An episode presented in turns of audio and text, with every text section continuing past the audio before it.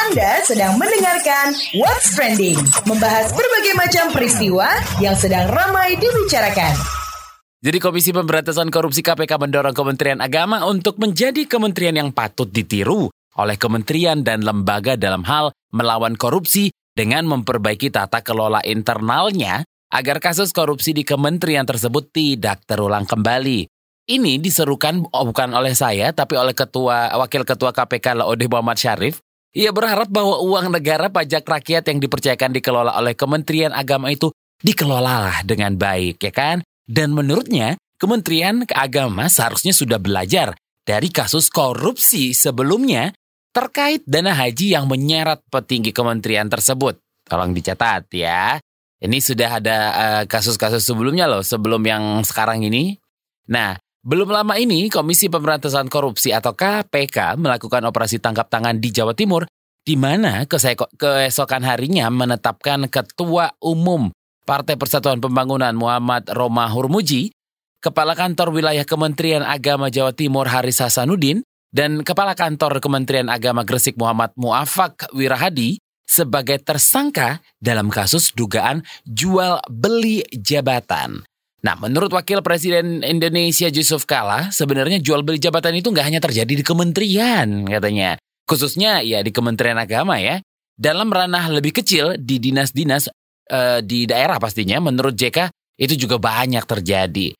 Nah, sehingga perangkat pemerintah saat ini harus bisa terbuka saat melakukan rekrutmen. Hmm, Jangan lewatkan keseruan topik dari dua host KBR Pagi cuma di What's Trending. Jadi, jabatan adalah amanah. Kalau ada yang dapat jabatan karena jual beli, artinya apa? Ya, itu ada titik-titik di sana. Kita bakal ngobrol dengan peneliti Pukat uh, Fakultas Hukum UGM, ya ada Yuris Reza, yang sebelumnya bilang kalau uh, Pusat Kajian Anti Korupsi Pukat ke Fakultas Hukum Universitas Gajah Mada menilai kasus korupsi di Kementerian Agama kembali terulang disebabkan tidak adanya restrukturisasi di uh, birokrasi Kemenak. Nah, jadi peneliti Pukat uh, eh, FHUGM Yuris Reja bilang kalau uh, mendorong Kemenak untuk membersihkan uh, birokrasinya ini adalah salah satu langkah ya. Yuris juga mendorong KPK untuk kembali menetapkan tersangka dari pejabat di Kemenak karena melihat mekanisme kasus suap jual beli jabatan yang di yang melibatkan pejabat pejabat di Kemenak di daerah. Seharusnya Kementerian Agama yang memiliki kewenangan mengangkat dan memberhentikan jabatan di daerah. Sudah bersama saya, peneliti Pukat Eva UGM, ada Yuris Reza. Mas Yuris, tanggapan Anda soal kasus suap jual beli jabatan yang menyangkut pejabatan Kementerian Agama ini gimana Mas? Ini memang menurut catatan kami bukan yang pertama petinggi partai, baik itu dari P3, lalu kita tahu yang belum lama dari Golkar, lalu dulu dari Demokrat juga. Memang ini membuktikan kalau korupsi politik di Indonesia masih masif.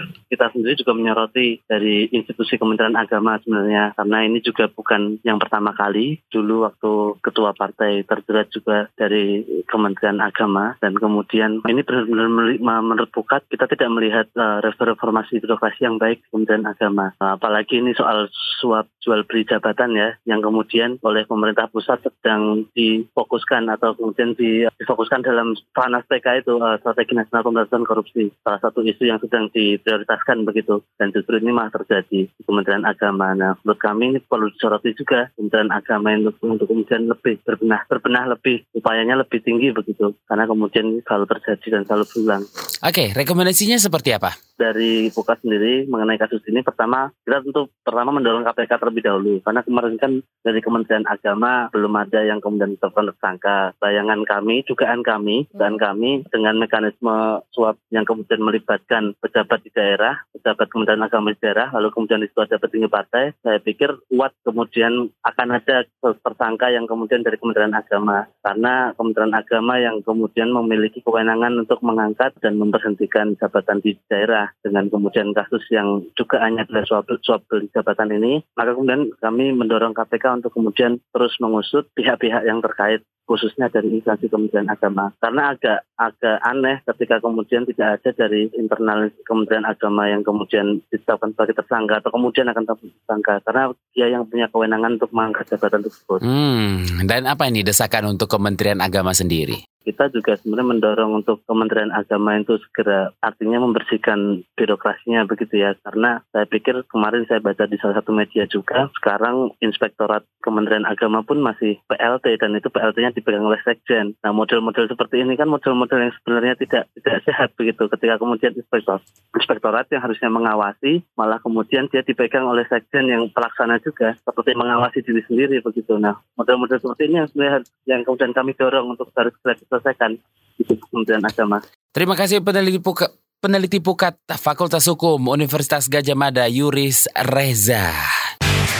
KBR Pagi cuma di KBR Inspiratif dan terpercaya. Masih ngobrolin soal badai teror. Eh bukan badai teror ya. Teror korupsi, korupsi teror juga sih. badai korupsi di Kementerian Agama maksud saya ya. Jadi um, Menteri Agama Lukman Hakim Saifuddin angkat bicara bahwa kementerian yang menjadikan peristiwa operasi tangkap tangan oleh KPK itu sebagai peringatan keras bagi ASN. Sehingga kata dia peristiwa tersebut da sebagai dasar langkah korektif dan perbaikan sistem manajemen kepegawaian.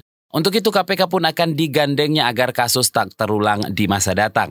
Sementara Kabiro Humas Data dan Informasi Kementerian Agama Mas Tuki menyatakan kalau Kementerian Agama sudah memiliki kebijakan atau program untuk mengantisipasi terjadinya tindak pidana korupsi. Seperti apa kejelasannya kita bahas langsung dengan Kabiro Humas Data dan Informasi Kementerian Agama, Mas Tuki. Selamat pagi Pak, sebenarnya ada nggak sih kebijakan yang di Kementerian Agama terkait pencegahan korupsi nih Pak? Pemberantasan korupsi KKN itu gencar kami lakukan terutama di eranya Pak LHS Mbak Lukman Hakim Saifuddin ini dengan berbagai cara. Kita memulai dari kemungkinan kemungkinan ada ASN di mana pun di berbagai satuan kerja karena kita memiliki 4.556 satuan kerja di seluruh Indonesia dan itu luar biasa besar. Karena itu pencegahan itu kita lakukan melalui penerapan lima budaya kerja. Nah lima nilai budaya kerja itulah salah satunya adalah berkaitan dengan integritas. Integritas itu yang kita bangun kemudian melalui penerapan nilai-nilai lima budaya kerja itu kita harapkan membentengi para ASN dan juga pejabat di semua level. Yang kedua, ada kampanye yang cukup masif 2017, 2016 dan 2017 yang lalu berkenaan dengan pungli dan gratifikasi. Itu gencar kita lakukan. Nah, sebelumnya itu kasus berkaitan dengan penarikan dana nikah yang itu kemudian kita legalkan berkaitan dengan PNBP penerimaan negara e, bukan pajak. Gimana nih implementasinya Pak? semua pembayaran yang berkaitan dengan peristiwa nikah itu mendapatkan legalitas. Hmm. Kalau sebelumnya misalnya penarikan dilakukan oleh KUA atau dalam hal ini istilahnya PPN kita, petugas pencatat nikah, berbeda-beda satu dengan yang lainnya, maka agar semua mendapatkan payung hukum kita uh, tetapkan kalau orang menikah di dalam KUA di kantor KUA itu nol rupiah tidak membayar. Tapi kalau di luar kantor itu membayar 600 ribu. Hmm. Nah dari pendapatan-pendapatan semacam itulah kemudian dimasukkan ke PNBP. Jadi banyak upaya. Nah, termasuk yang terakhir itu kita gerakkan namanya sepak. Bahkan bukan hanya dari internal pegawai, kemungkinan bahwa korupsi itu bisa dilakukan akibat pengaruh keluarga, istri, pasangan atau suami, itu kita gencarkan namanya sepak. Saya perempuan anti korupsi, saya pejabat anti korupsi, itu masif di seluruh Indonesia, di Kanwil, di kantor Kemenak, bahkan juga di perguruan tinggi-perguruan tinggi keagamaan. Dan itu juga di pusat juga uh, terjadi. Jadi uh, banyak tapi kenapa kok ya masih ada korupsi juga Pak? Ini sementara katanya banyak program pencegahan. Kalau saya membuat ilustrasi, Kementerian Agama ini ada 270-an ribu pegawai. Pejabat ada 17 ribuan lebih. Dan ini memang sangat besar kementerian ini. Nah, kalau misalnya ada satu, e, dua yang terjadi kasus semacam ini, sekarang ini, itu bisa dipahami dengan ilustrasi kira-kira kalau misalnya ada orang yang mencuri, meskipun polisi itu ada di mana-mana dan struktur polisi juga kepolisian misalnya eh, sangat kuat, aturan kita juga tidak boleh mencuri dan seterusnya. Kalaupun ada mencuri satu orang, itu lebih kepada personal. Pengaruhnya banyak. Pengaruhnya tadi, apakah motif dari dalam diri sendiri yang tadi ingin mungkin ya memperkaya diri sendiri, misalnya dalam konteks korupsi, ada pengaruh dari luar tadi dan seterusnya. Nah, hubungan-hubungan yang di luar sistem. Sekali lagi, karena ini Kementerian Agama ada dalam sistem. Ribuan orang tidak mungkin terlibat dalam posisi itu, bahkan juga dalam kasus apa pengisian jabatan. Masih banyak yang lain yang aman. Eh, ini ada satu dua orang itu ya tadi ada di luar sistem yang dibangun. Itu itu pendapat kami. Baik. What's Trending membahas berbagai macam peristiwa yang sedang ramai dibicarakan.